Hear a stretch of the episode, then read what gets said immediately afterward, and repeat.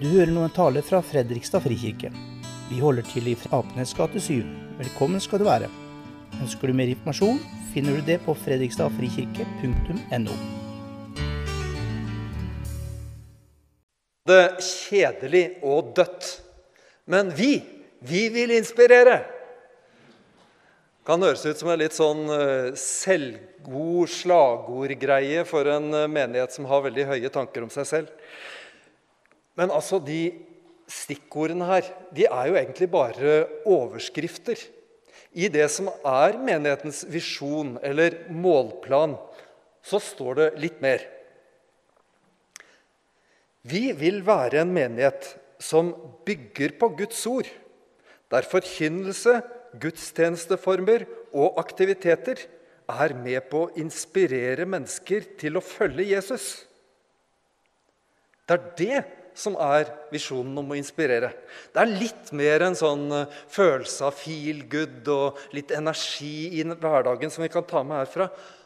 Alt som skjer i kirka her, skal ha det som mål. Å inspirere mennesker til å følge Jesus. Og den inspirasjonen den skal ikke komme fra forkynnere eller fra musikere. Det er ikke det som er kilden. Inspirasjon. Sånn helt bokstavelig talt så betyr ordet at noe blir blåst inn. I medisin så er det jo rett og slett inspirasjon. Det er det å puste inn. Å bli inspirert. Det er å puste inn noe som gir deg liv og retning. Og dette noe, det mener vi har med Guds ord å gjøre. Som en luthersk menighet så tenker vi at Den hellige ånd må hjelpe oss til å se Jesus og tro på han og følge han. Og at Den hellige ånd nettopp bruker Guds ord for å klare å nå oss. Så vår oppgave som menighet det er egentlig å slippe den inspirasjonen til. Og la oss inspirere av Guds ord. Det kan kanskje høre litt sånn tørt og teoretisk og nesten kjedelig ut, som en sånn skoleoppgave med pugging. Men det er jo ikke det. Jesus kaller oss til å være disipler. Et litt ubrukelig ord. Men la oss bruke lærling, da. Det er litt mer praktisk. Vi er lærlinger med praksisplass. Oppgaven vår er å leve med Jesus og finne ut hva han sier, hva han gjør, og så prøve å gjøre det samme.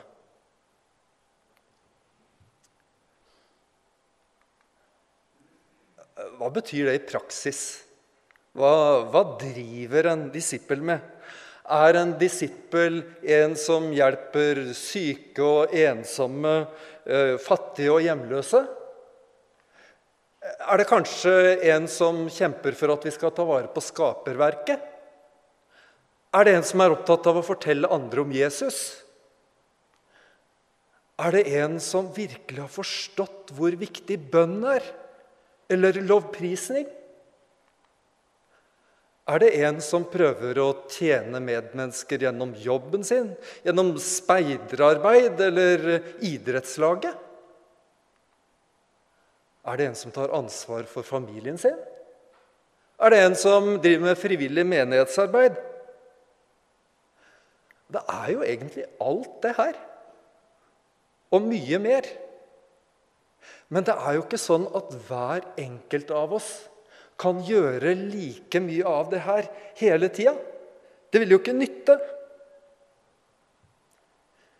Vi er skapt forskjellige. Vi har forskjellig utrustning, forskjellige evner. Og jeg tror også det er sånn at når vi prøver å se på Jesus og følge han, så ser vi litt forskjellige sider av hvem Jesus er. Det er derfor jeg syns det er så fint å kunne si at det å være disipler, det er et gruppearbeid. Når vi skal inspirere mennesker til å følge Jesus, så inspirerer vi egentlig til en gruppeoppgave.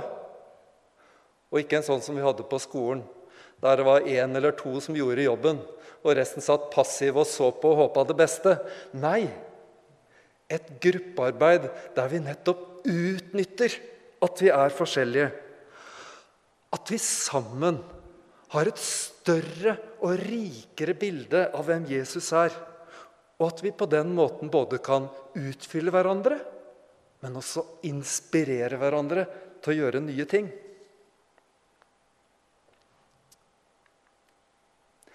Jeg er ofte ute i båt.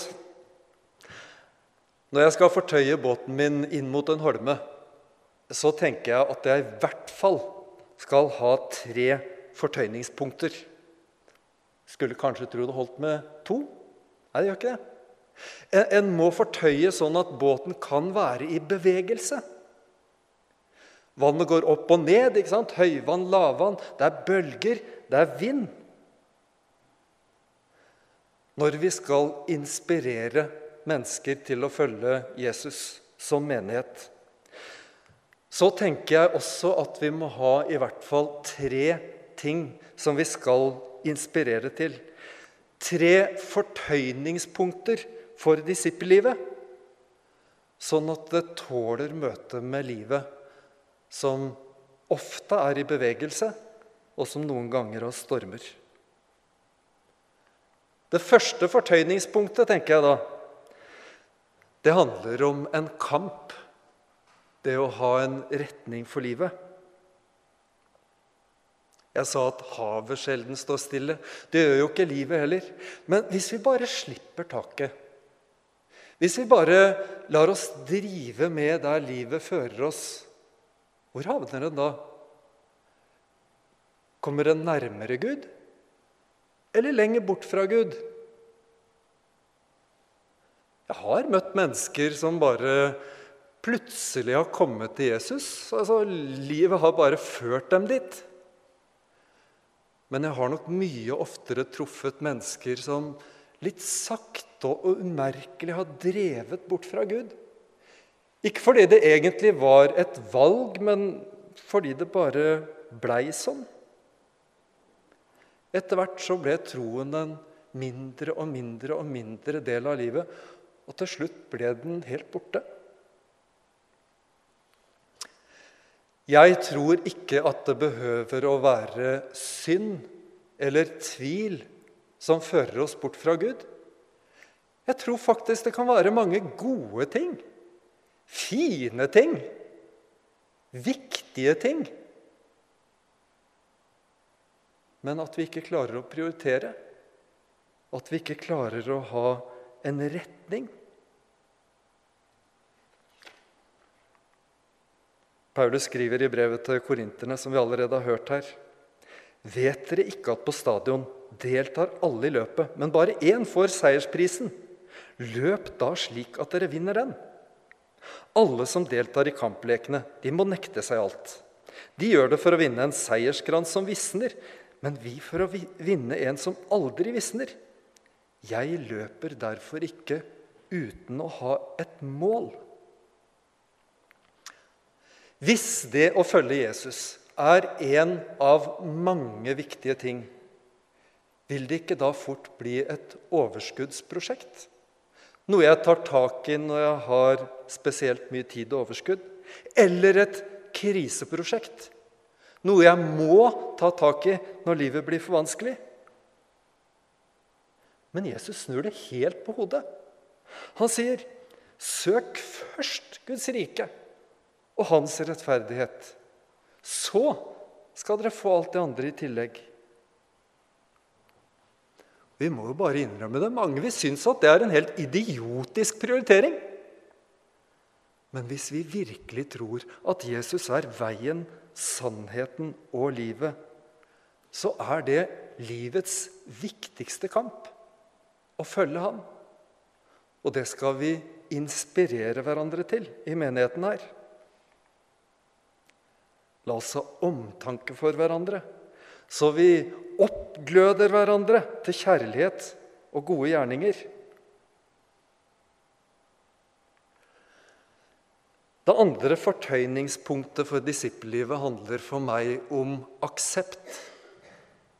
å akseptere at vi bare er mennesker? For hva med de som ikke orker å kjempe? Hva med de som ikke får til å kjempe? Er det sånn at disippellivet egentlig bare er for de som er sterke, enten i troen eller ressurssterke? Nei.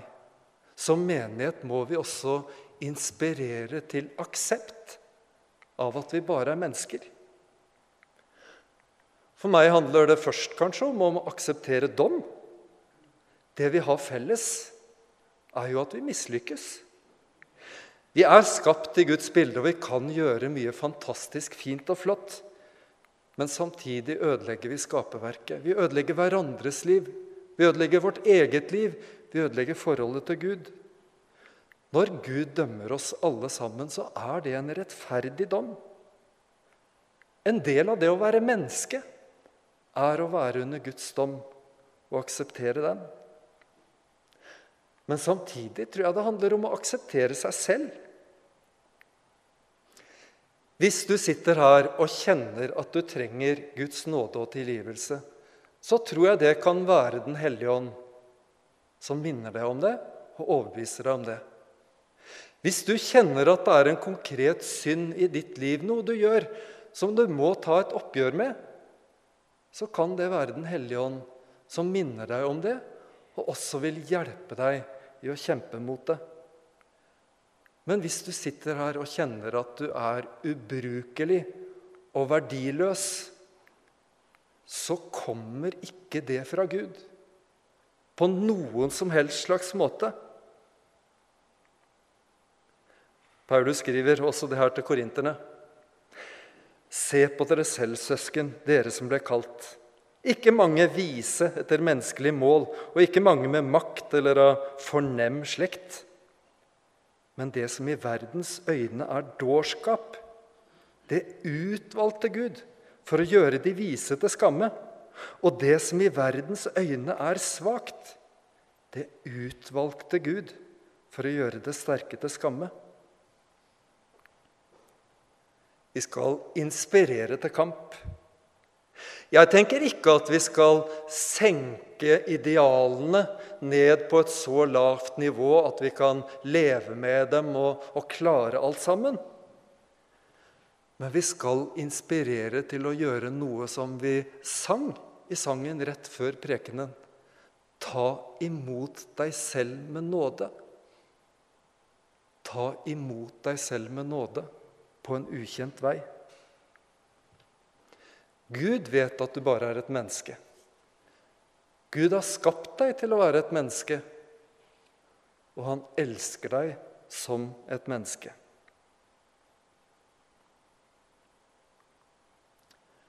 Jeg tror også det handler om å akseptere hverandre. Mange av oss har en stor eller liten tante Sofie i magen, hun fra Kardemommeby, som sang at eh, hvis alle andre var som meg, så ville alt bli bra. Tenk hvor flott menighet vi hadde hatt hvis bare de andre hadde vært litt, eh, litt mer åndelig modne eller litt mer engasjert. Tenk hvor bra det hadde vært da. Vi er så forskjellige. Vi har så forskjellige erfaringer som former oss på godt og på vondt. Vi har forskjellige følelser. Vi opplever troen helt forskjellig. Vi har sett forskjellige sider av Jesus. Vi brenner for forskjellige ting. Jesus sier at vi skal elske hverandre. Og gjennom det at vi elsker hverandre, så skal andre kunne se hvem Jesus er. Jeg tror kanskje vi må begynne med å akseptere hverandre. Det tredje fortøyningspunktet det handler om å hvile. Og ikke en hvilken som helst hvile, men å hvile i det å være elsket. Jeg tenker at det å stå i en kamp og ha en retning for livet, det kan gi mening. Det å akseptere å være et menneske kan gi mye trøst. Men å hvile i å være elsket akkurat som vi er, det er selve evangeliet. det er ufortjent nåde. I den lille Bibel, som vi kaller det, fordi det rommer på en måte hele evangeliet, Johannes 3, 16, så sier Jesus først noe om eh, hva Gud vil gjøre. Han vil frelse oss. Det står noe om hvordan det skal gjøres. Jo, det var å sende Jesus. Men ikke minst så står det noe om hvorfor. Det har med Guds uendelige kjærlighet å gjøre. Hvis du prøver alt du kan å være en disippel og følge Jesus for å bli frelst, så tror jeg rett og slett ikke du vil finne ham. For frelse er en gave som bare kan tas imot. Og som menighet så skal vi inspirere til å hvile i det. Gjennom forkynnelse, sanger, minne hverandre på Guds løfter. Minne hverandre på Guds uendelige, ubetinga kjærlighet. Og når vi syns at det er litt vanskelig å tro, vanskelig å gripe og holde fast i, så har vi som menighet også fått noen fantastiske gaver som gjør det enda mer konkret. Dåpen. Som regel er det jo bare et knøttlite barn, en baby. Nattvern. Som gjør det så tydelig at det her er bare noe vi skal ta imot. Jesu kropp gitt for deg. Jesu blod utøst for deg.